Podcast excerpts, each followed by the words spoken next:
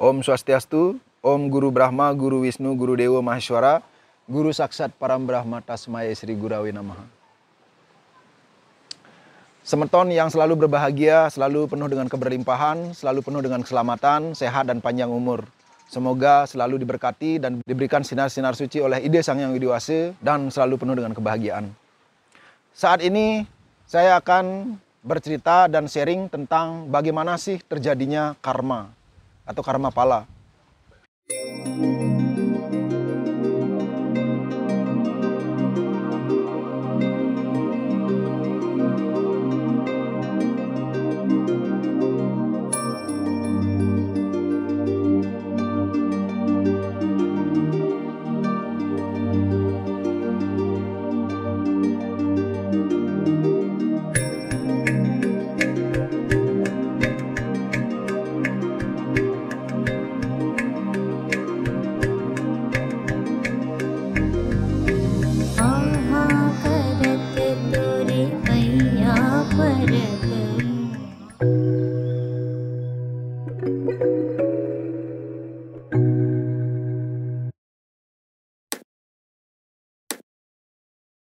Nah, jadi eh, siapkan diri dan mungkin ini videonya agak panjang. Pastikan nonton sampai habis. Kalau misalnya setengah-setengah, nanti malah tidak mendapatkan nilai-nilai yang terkandung di dalam apa yang saya sampaikan. Karena semua segala sesuatu yang saya sampaikan itu berdasarkan pengalaman saya pribadi dan itu merupakan bagian hasil dari penelitian saya yang begitu dalam baik melalui meditasi maupun melalui pengalaman-pengalaman para guru, para sahabat yang luar biasa yang mau sharing dengan saya dan kemudian saya akan sharing kepada pada kepada teman-teman semuanya. Di dalam di dalam perjalanan hidup kita tidak terlepas dari yang namanya ide-ide, pikiran-pikiran, panca indera, nafsu-nafsu, keinginan-keinginan dan juga pengendalian diri. Nah, jadi terjadinya karma tersebut itu dimulai dari yang pertama adalah pikiran. Kenapa? Karena sampai saat ini di dunia modern semua mengarahkan energinya atau mengarahkan perhatiannya itu kepada pikiran. Makanya saya juga membagi tahapan meditasi salah satunya ada di mindfulness meditation yaitu bagaimana memeditasikan pikiran kita. Sehingga karena pikiran yang baik akan menjadi sahabat yang baik, pikiran yang buruk akan menjadi musuh yang sangat mematikan bagi diri kita. Jadi hati-hati dengan pikiran. Karena beberapa kitab suci, kitab suci favorit saya juga mengatakan hal yang sama. Salah satunya adalah Siwa Tatwa pada yang 16 menyampaikan seperti ini.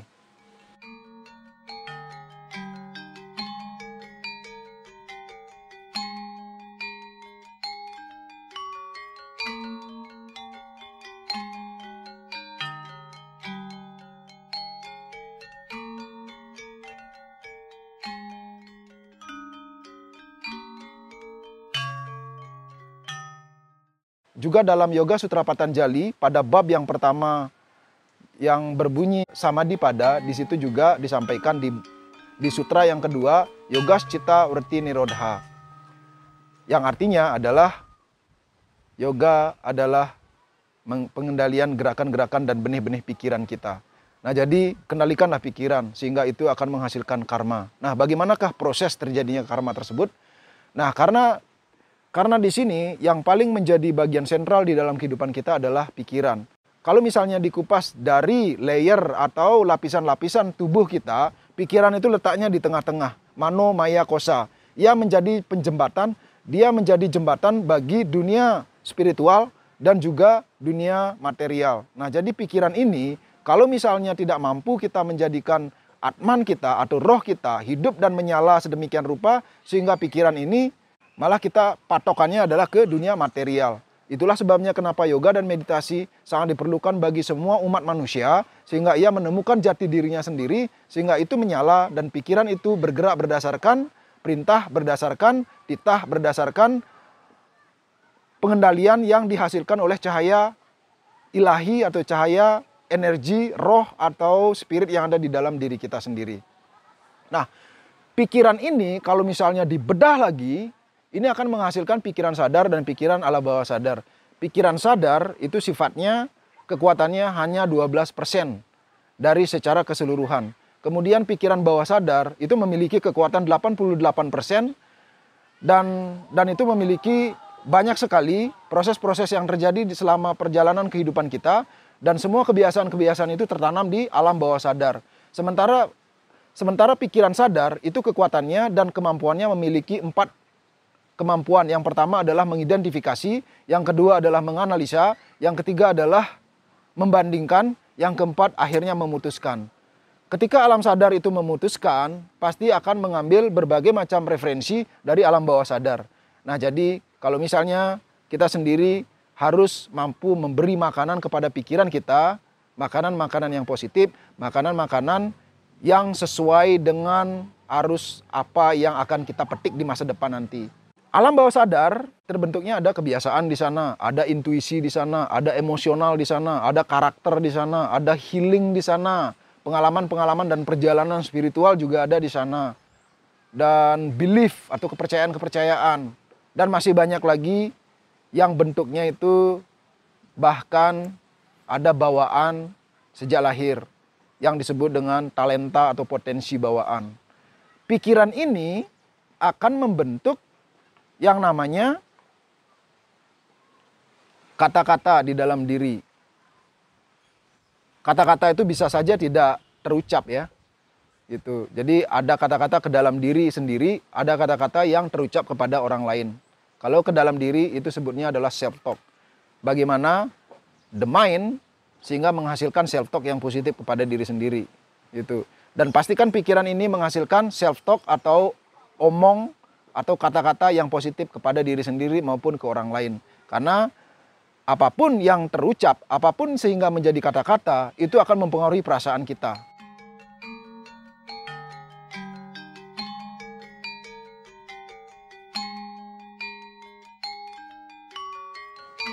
Coba contoh ya. Misalnya kata-kata saya hari ini penuh rasa syukur dan berbahagia. Rasakan perasaannya. Dan hari ini saya sangat bersyukur, berbahagia, dan penuh senyum. Coba rasakan bagaimana rasanya.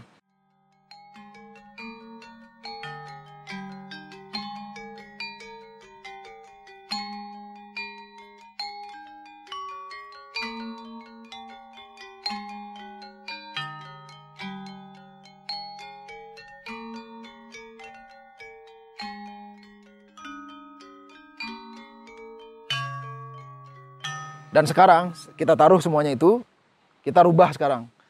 Hari ini saya sial sekali ditimpa banyak musibah. Sepertinya saya akan kena tipu besok. Rasakan coba. Hari ini saya sial sekali. Banyak sekali kena musibah dan saya sedih sekali, kecewa, marah. Coba rasakan.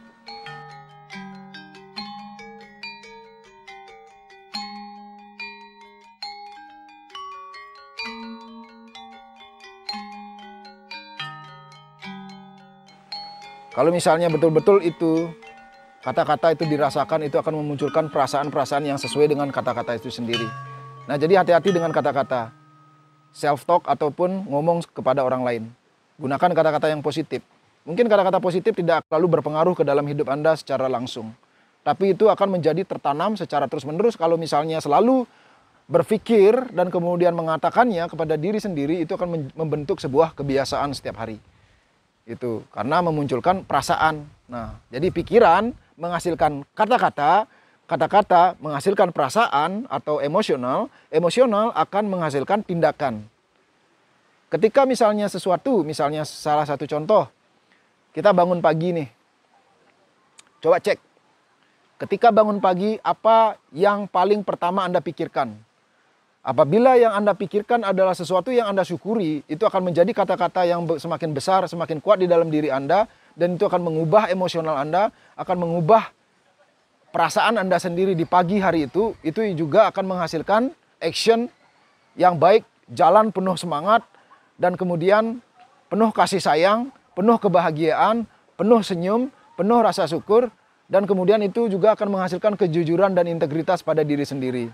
Action pikiran, kata-kata, kata-kata ke dalam diri, kata-kata keluar diri atau kepada orang lain, kemudian menghasilkan perasaan, perasaan menghasilkan action, action secara terus-menerus apabila setiap pagi kita bangun penuh dengan rasa syukur, penuh dengan kata-kata yang positif, action ini akan berulang setiap hari, setiap hari, setiap hari, satu bulan, dua bulan, satu tahun, dua tahun akan menjadi sebuah kebiasaan.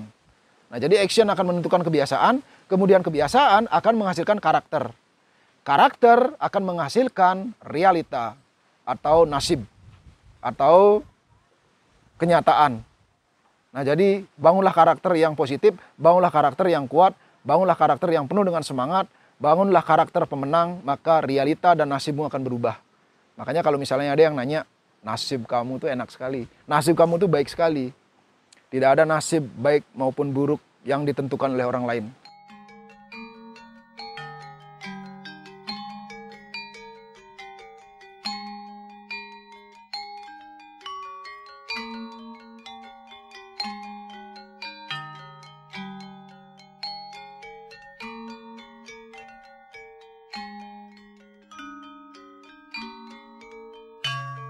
Semua adalah ditentukan oleh diri kita sendiri. So, you are the Michelangelo of yourself.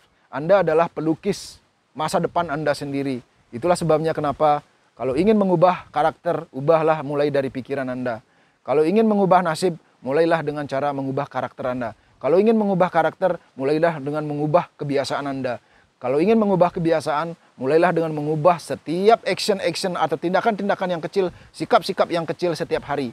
Kemudian kalau ingin mengubah action atau tindakan-tindakan Anda, mulailah mengubah perasaan Anda selalu penuh dengan rasa syukur, penuh rasa kegembiraan, penuh rasa cinta kasih, empati, dan penuh dengan ke kegembiraan dan kebahagiaan. Kalau ingin mengubah perasaan Anda, ubah kata-kata Anda. Kata-kata yang positif, baik kepada diri sendiri maupun kepada orang orang lain.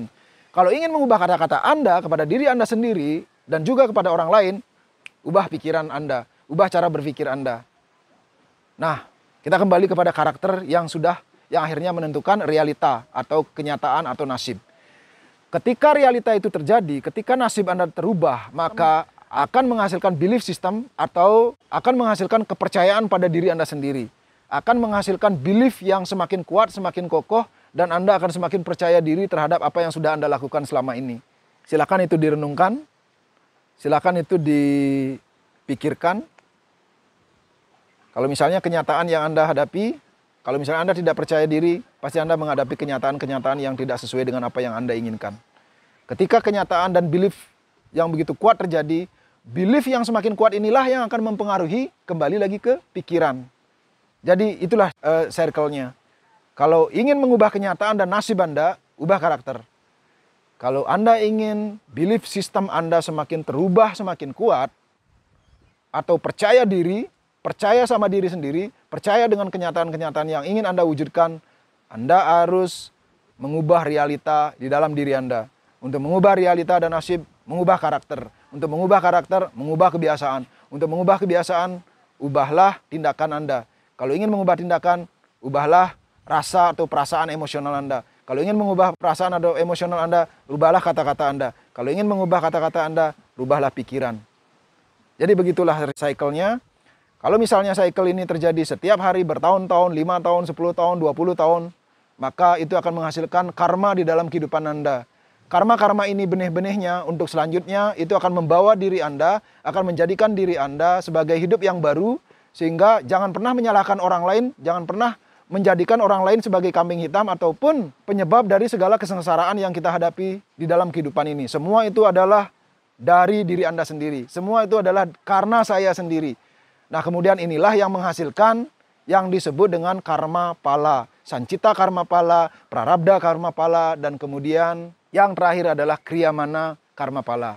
Jadi itulah proses terjadinya karma. Semoga dapat menginspirasi. Silakan direnungkan dan mulailah mengubah cara berpikir Anda sehingga semua itu akan mengubah kenyataan, belief system, dan juga karma Anda. Sehingga Anda pantas memetik hasil yang penuh dengan keindahan, kebahagiaan, kedamaian, dan kesejahteraan. Om Santi, Santi, Santi Om.